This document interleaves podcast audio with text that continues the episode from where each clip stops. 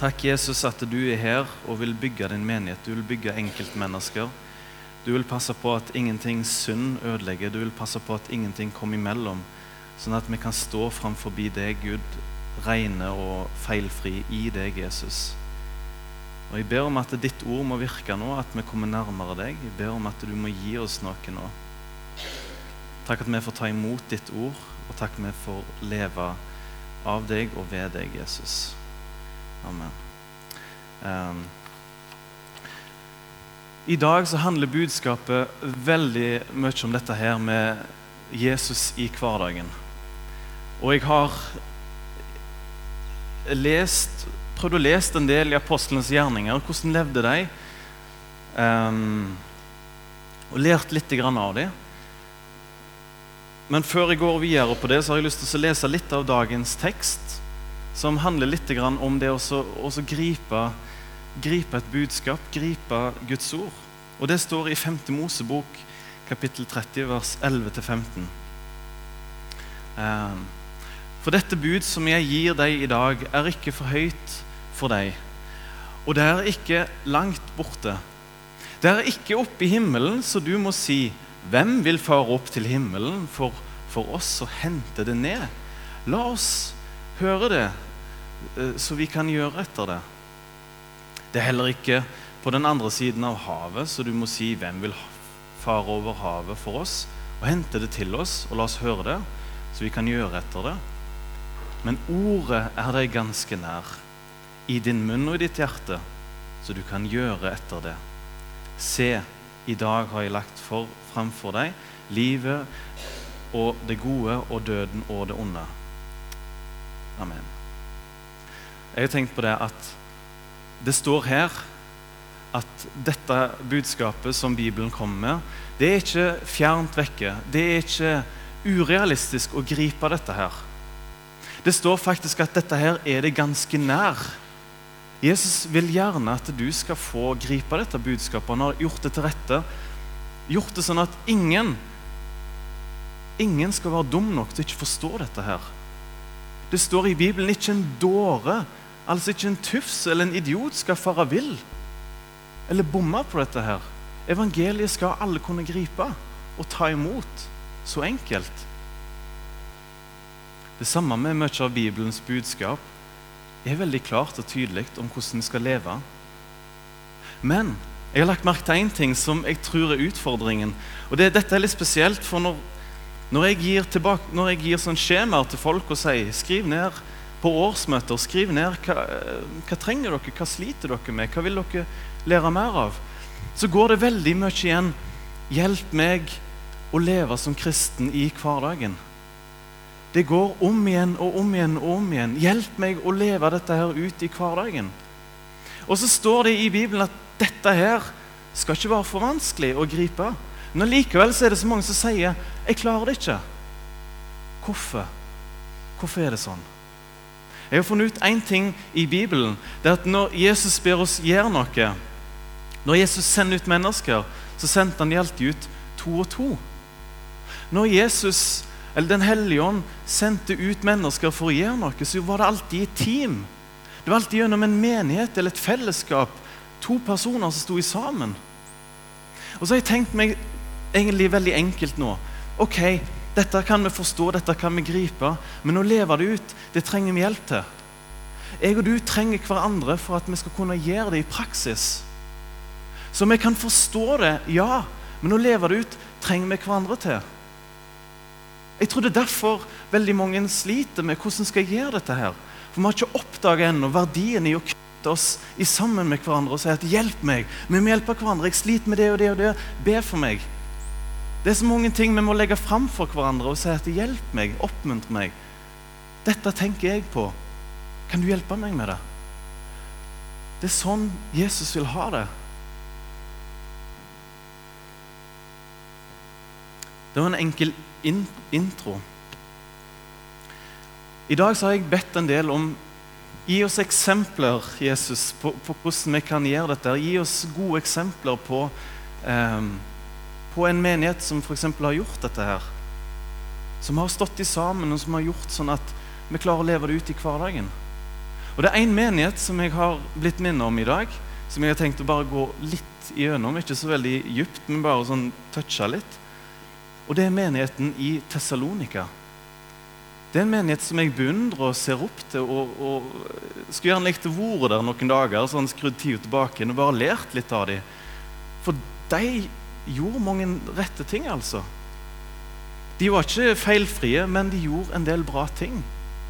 Nettopp det å være en hverdagskristen. De klarte å la det som vi hører her inne nå, de klarte å få det ut. Og Da har vi noe å lære av dem, tror jeg.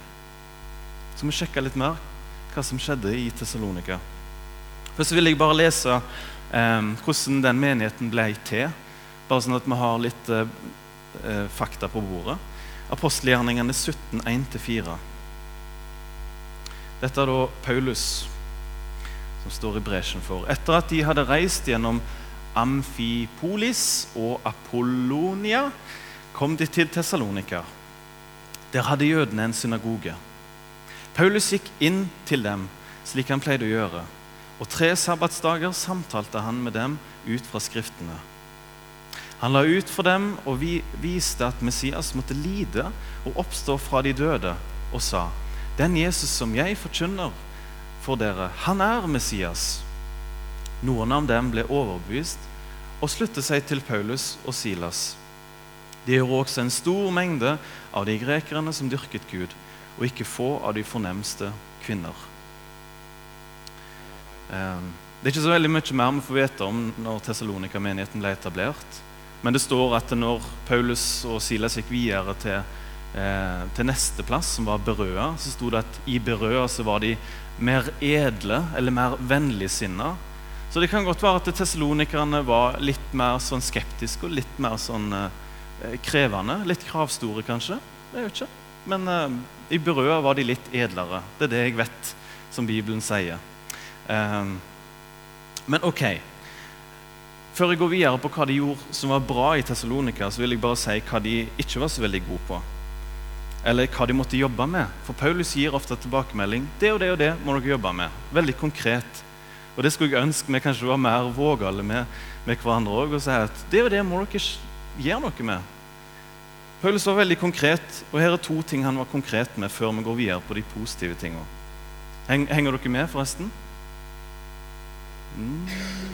Ja, bra. Noen nikker. Da tar jeg det som et ok. Eh, den ene tingen som Paulus sa at de måtte bli bedre på i Tessalonika, det står i 1. Tess 4,1. Det er litt stilig at han sier For øvrige brødre, altså, ber ber og formaner vi dere i Herren Jesus, liksom dere har lært av oss hvordan dere bør vandre og være tilbake for Gud. Slik dere også vandrer, så må dere gjøre, gjøre enda større framgang i dette. Og altså, Paulus var veldig fornøyd med dem, men så sier han bare gjør det enda bedre. Dere har mer å gå på, dere har mer rom. Ikke slå dere til ro og si at ja, nå er vi fornøyde sånn som det er nå. Men han sier åh, bare blomstre enda mer. Dere har mer å gå på. Så hva skal jeg si, En ting han pekte på, men positivt. Her kommer den andre tingen som han pekte på som var negativt. Og Det kommer fram i 2. Tessalonikerbrev 3.11. Da sier Paulus.: Men nå hører vi at noen blant dere ikke skikker seg vel. De arbeider ikke, men er opptatt med unyttige ting.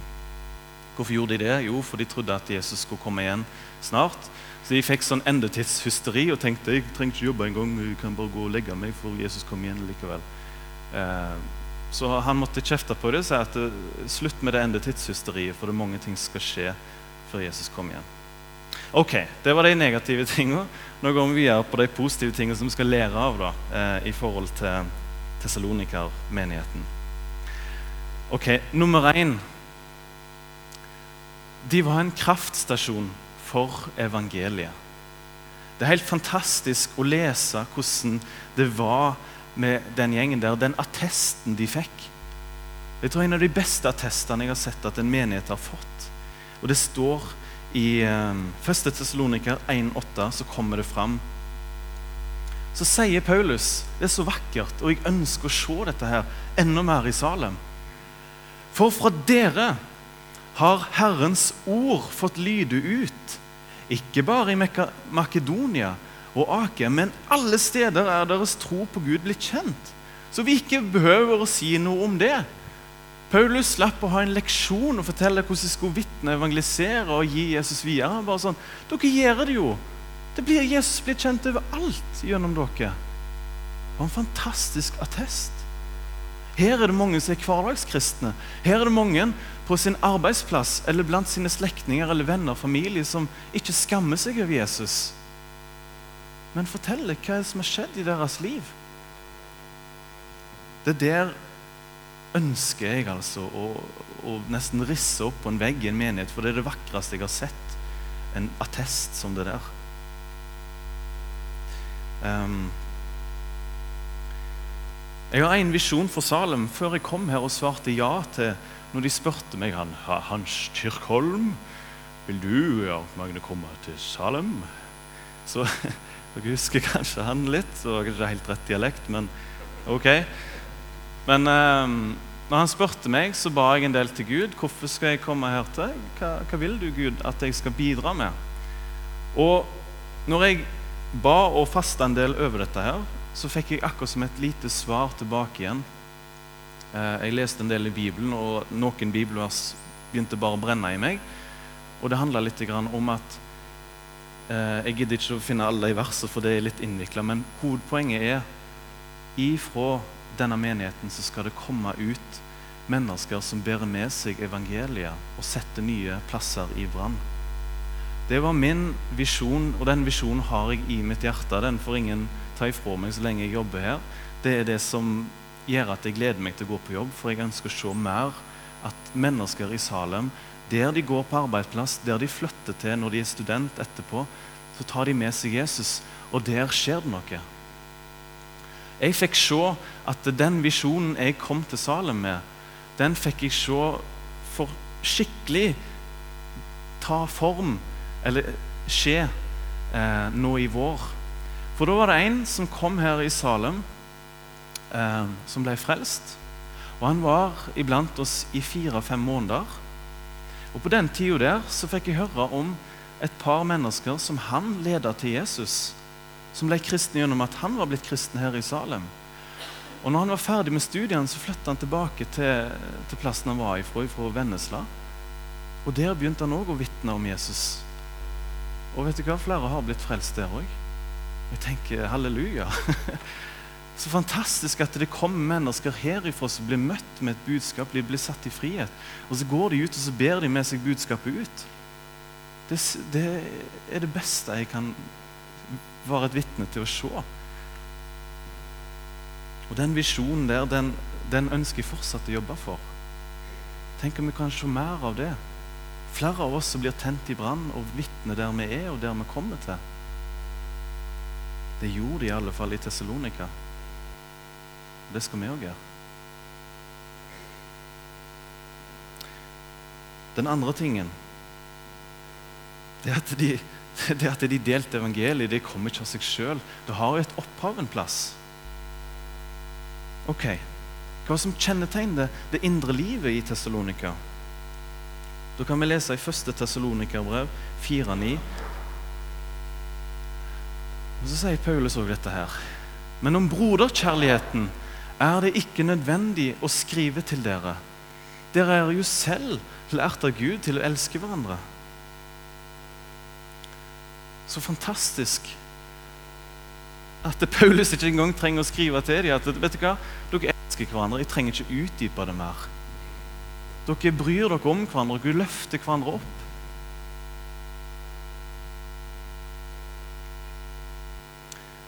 Jeg vet um,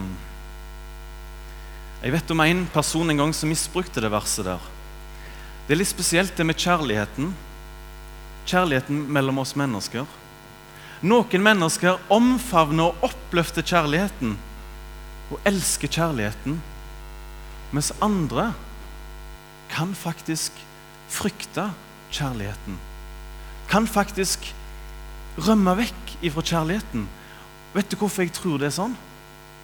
Fordi det er noen mennesker som dessverre har gått i den fella at de har satt opp en fasade. Og hvis de skal ta imot ekte kjærlighet, eller gi ekte kjærlighet, så betyr det at den fasaden må bare knuses i fillebiter. Og for at du skal kunne Ok, Det går ikke an å gi en annen person en klem hvis du går med en rustning. Det vil bare oppleves som kaldt og fælt og unaturlig. Så Derfor så er det mange dessverre som ikke bryr seg om broderkjærligheten. For det betyr at du må slippe din fasade. Du må rett og slett være sårbar, og du må være deg sjøl. Og du må, du må, gå inn på en helt annen arena og våge så mange nye ting. Så er det mange som ikke vil gjøre det. Vi er redde for hverandre. Og Derfor så kommer ikke broderkjærligheten å flyte ut til hverandre. Vi trenger å tilgi hverandre. Vi trenger å si til Gud overfor de vi ikke liker, og sånne ting, at Gud, vet du hva Du ser jeg kommer ikke overens med den og den og den. Men du, Gud, du ser situasjonen, og jeg vil avstå fra disse ting, og jeg vil avstå fra å holde opp min misnøye. Sett meg fri ifra at jeg er misfornøyd med andre mennesker, og lær meg å elske dem. Lær meg å bære over med dem. Det står ikke i Bibelen at vi plent skal gå rundt omkring og gi hverandre klem, men det står i alle fall at vi skal bære over med hverandre. Vi er mennesker, og det er ikke så lett alltid. Derfor så sier Bibelen realistisk òg. Ber over med hverandre. Og En plass sier Paulus til og med ikke et hverandre opp. Ikke riv hverandre i fillebeter. Ta det med ro. Men jeg sier bare disse tingene om kjærligheten. For en kjærlighet kan ikke fungere der det er en fasade. Kjærligheten må flyte fritt. Det må ikke være noe som hindrer å stoppe.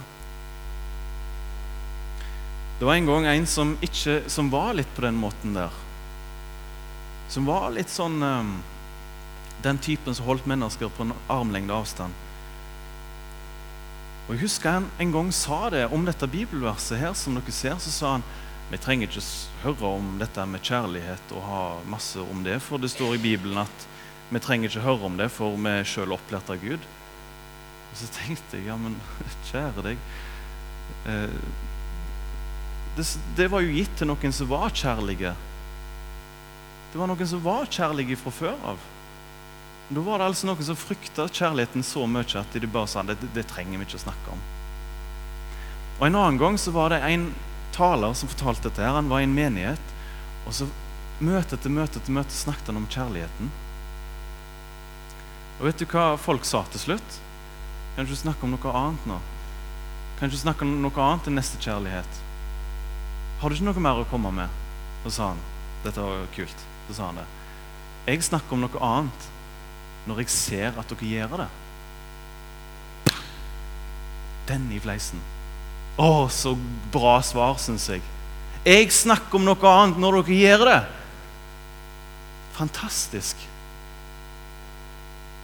Å, så jeg tror at Gud vil si noe til oss. Å, så jeg tror at han formaner oss til å elske hverandre og bære over med hverandre tilgi hverandre og bli ett.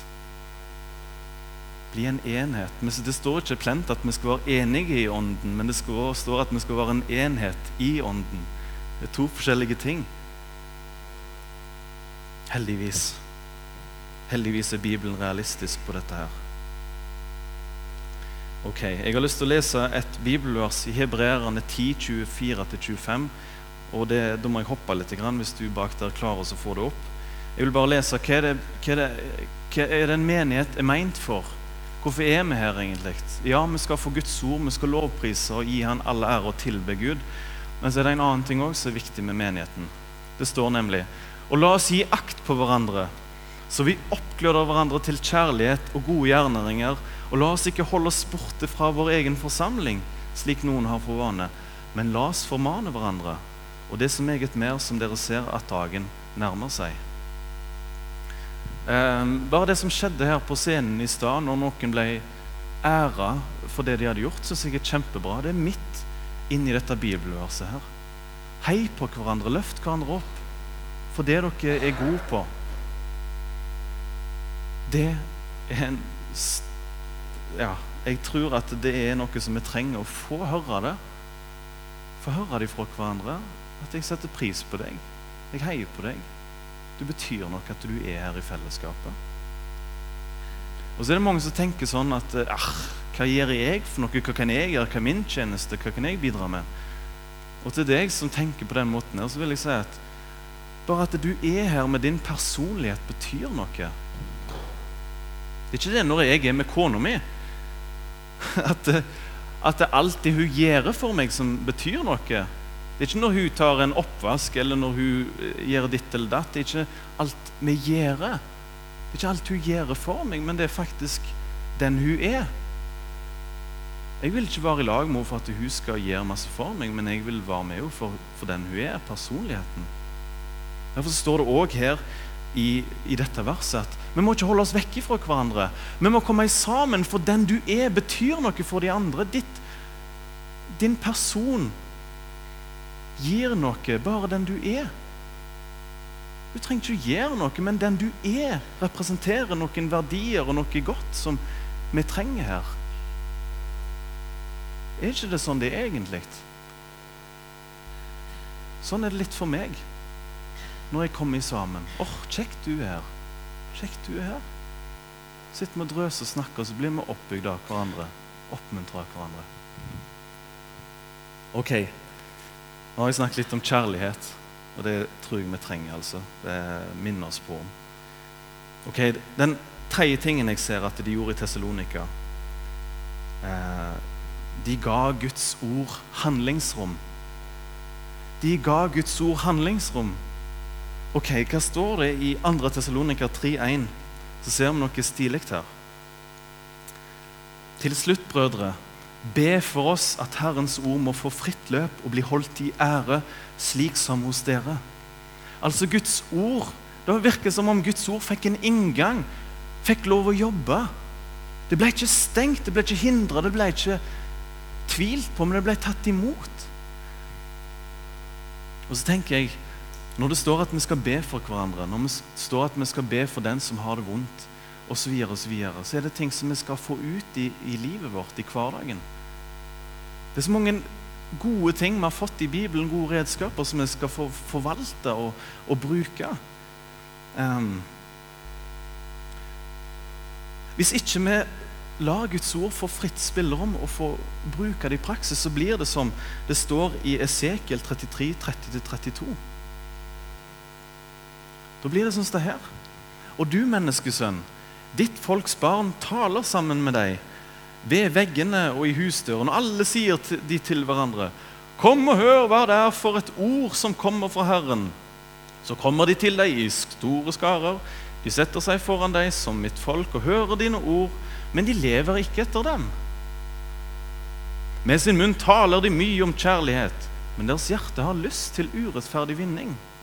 Se, du er for dem som en som synger kjærlighetsviser, en som har vakker røst og er dyktig til å spille på et instrument. De hører dine ord, men de lever ikke etter dem. De fleste som er satt til å forkynne,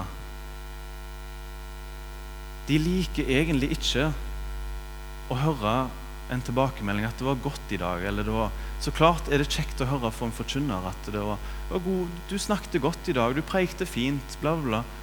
Det er mange forkynnere som har fortsatt pga. at de har fått en sånn tilbakemelding, og det er godt meint. Jeg tipper at de fleste som sier det, mener det fra hjertet sitt. Men en forkynner sin største glede er ikke å høre den tilbakemeldingen, men å se at folk handler etter det som blir sagt. For å se at folk tar det med seg i sin hverdag. Og det er det dette bibelverset her snakker om òg. Et eksempel på at vi som en flokk kan av og til bare stoppe totalt opp og ikke gjøre noe med Ikke gå i Jesu navn, ikke prøve ut den autoriteten vi har fått. Et eksempel på det er eh, med, med Israel og filistrene i Det gamle testamentet. I 1. Samuel 17, 20, så står det noe om at eh, israelsfolket og filistrene var liksom mellom en dal. Og så står det at de eh, Goliat kom ut derifra, og så sa han til Israels hær Dere har en elendig gud, og hvem er dere? Og prøv å utfordre meg. Og så kom det en lekse der. Hvis jeg vinner over en av dere, så tar vi over landet. Og hvis det er omvendt, så skal dere ta over oss. Og så kom Goliat hver dag og ropte ut og hånte Gud og hånte deg. Vet du hva som skjedde? Det er så, det er så spesielt. Det å lese i 1. Samuel 17, 20, Hvis vi får opp det bibelverset Kanskje jeg ikke har det? Da kan jeg gjengi det bare sånn hva som skjedde. Det som skjedde var at Israelsfolket kom fram hver eneste dag. De ble håna og sånne ting. Men vet du hva som står? Det står at de ropte et krigsrop. De ropte, de stod, Det kom soldater fram, så sto de sånn Og med sverd om alt de hadde, og så sto de sånn. Men vet du hva? Ingen gikk fram og møtte Goliat. De, de var, store i munnen og sto der og hoia og skreik. Men ingen gikk fram! De sto og så på at de ble hånt. De sto og så på Goliat. Ingen bevegelse. Ingenting. Helt til David kommer. Og Så ser han alt som skjer, og bare Hva er det som skjer? Står dere og ser på alt at dette her skjer? Og så går han imot Goliat. Og Han tar ikke på seg en annen manns rustning. Han går sånn som han er og tar med seg en slynge av fem steiner. Og så sier han, 'Jeg kom imot deg i Herrens navn'. Han hadde forstått hva for en autoritet han har i Herrens navn. Og så går han og overvinner Goliat. Én person går ut av rekka og gjør noe. Og så tenker jeg dette må aldri skje her i Salem. At vi kommer her på møte på møte og roper lovsanger og roper 'Ja, Gud, du er stor, og du er allmektig', og vi lovpriser deg. Og så går vi ut herifra, og så møter vi på Goliat, så møter vi på motstand, så møter vi på ditt og datt, og så står vi helt i ro. Er det sånn vi er som flokk? At vi roper, men ingen tar et steg ut og gjør noe med Goliat. Vi har fått autoritet. Vi har fått all makt. Eller Jesus har all makt, og han har gitt oss en autoritet. Et navn å gå med Jesus. En gang så gikk min mor Min mamma er veldig enkel i tru. Og så hørte hun at det var en nabo som var sjuk. Han var dødssjuk. Han hadde fått et eller annet i blodet, og jeg husker ikke helt hva det var. Men legene sa det, du har kanskje én måned, to måneder, to år, vi vet ikke, men du går imot døden. Dette er uhelbredelig. Mamma hørte om dette her. Han her var ikke en kristen heller. En nabo som bodde opp forbi oss, 500 meter. Og mamma hun lot Guds ord få handlingsrom i livet. Så hun gjorde det som sto i Bibelen i Jakobs brev, at hvis det er noen syke, så skal du gå og salve og be. Så mamma tok med olivenflaska og labba opp gjennom, tok på seg frakken og bare ja, nei, men Vi må jo bare gå på Guds ord. Og hun gikk opp til mannen og Hei, jeg hørte du var sjuk, og det var forferdelig. Uff. Men du vet du hva, jeg skal be for deg. Jeg skal be til Jesus for deg. Vil du at jeg skal gjøre det? Og han mannen, Det var jo ingenting mer håp for han mannen her. Og han bare Ja, jeg, jeg, du må be for meg. Og kona sto ved sida av og så på det hele og bare sto og grein mens mamma salva han mannen her og ba for han. Og så var det så enkelt som det. Og Hun vitna litt om Jesus. sa han må du tro på, han kan hjelpe deg. Og så gikk hun. Og Så gikk han mannen til legen, og så fikk han beskjed av legen. Hva du har gjort for noe? Du er frisk. Og så tenker jeg bare åh, så fantastisk.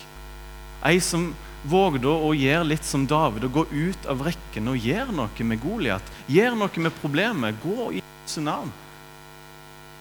Fantastisk enkelt, så enkelt som det.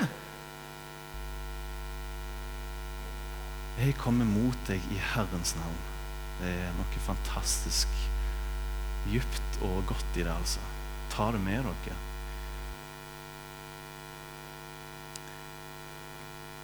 Jeg vil helt eh, mot slutten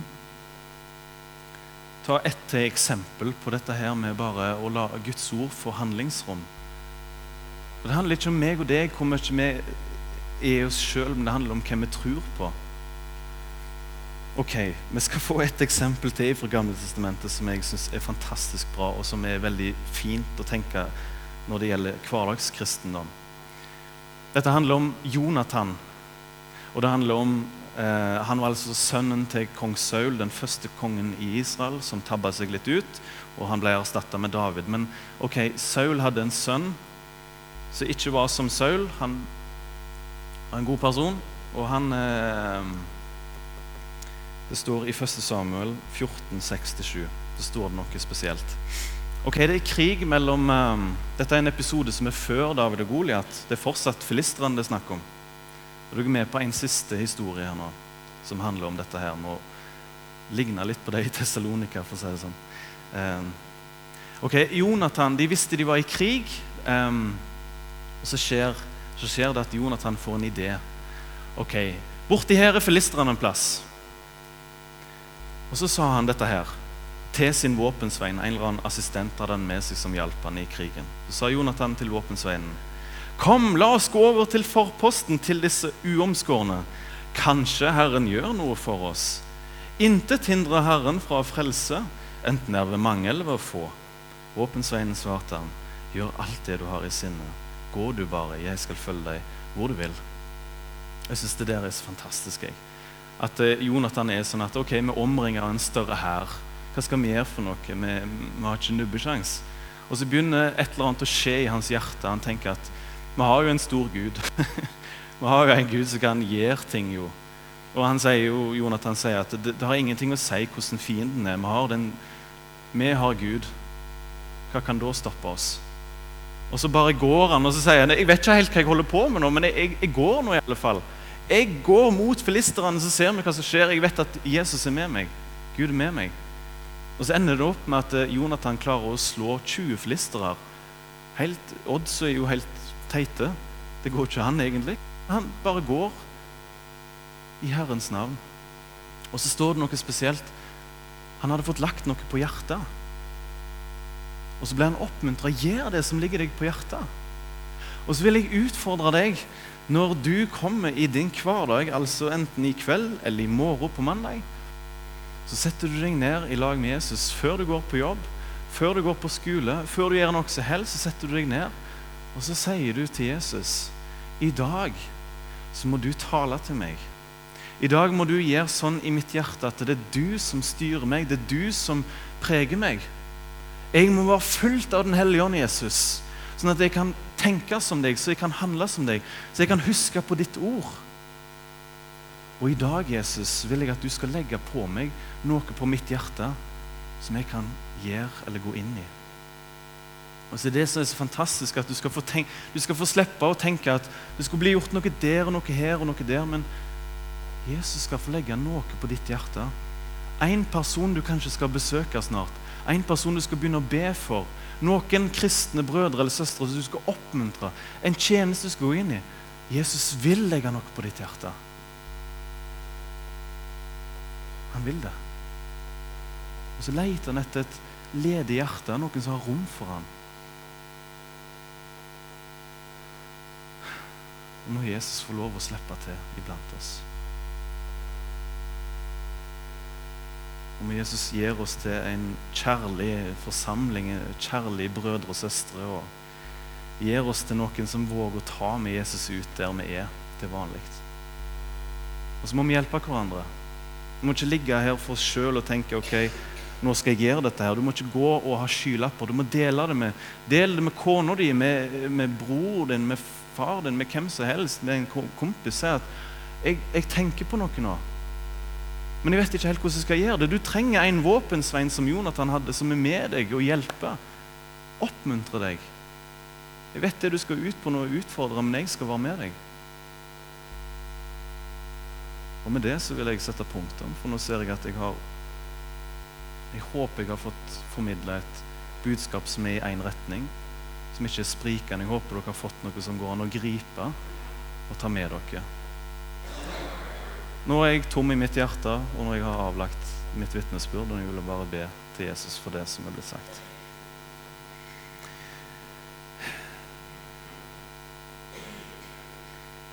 Jesus eh, vi er helt avhengig av at du kommer med Den hellige ånds kraft og overvinner oss. Jesus, vi er helt avhengig nå at du tar ditt ord Og så kommer du med din kraft. Og så går du inn i våre hjerter, så går du inn og overvinner oss. Så må du fjerne lunkenhet. Så må du fjerne synd. Og så må du fjerne frykt. Fjerne alt som hindrer. Så må du skape noe nytt. Jeg ber om at du i mitt liv i hvert fall må legge inn et nytt korn. Noe nytt ifra deg som kan spire og gro og forvandle. Jesus, jeg ber om at du må tale til den enkelte og legge noe på deres hjerte. Vis hva de skal gjøre videre de neste dagene. Legg noe på deres hjerte og vis at du er en stor Gud. La de få motivasjon, la oss alle få motivasjon til å våge å ta noen nye steg med deg nå, Jesus. Jeg har lyst til å be om at vi i salen må ligne mer på Tessalonika. Spesielt dette her med at de spredte evangeliet. Og de var en forsamling der broderkjærligheten og søskenkjærligheten strømde fritt. Og ikke minst at de ga Guds ord fritt spillerom. De gjorde ikke motstand, men de gjorde noe med det. Må du hjelpe oss med det, Jesus, og takk og pris for denne flokken som er her nå. Må du velsigne oss for ditt navns Jesus. Amen.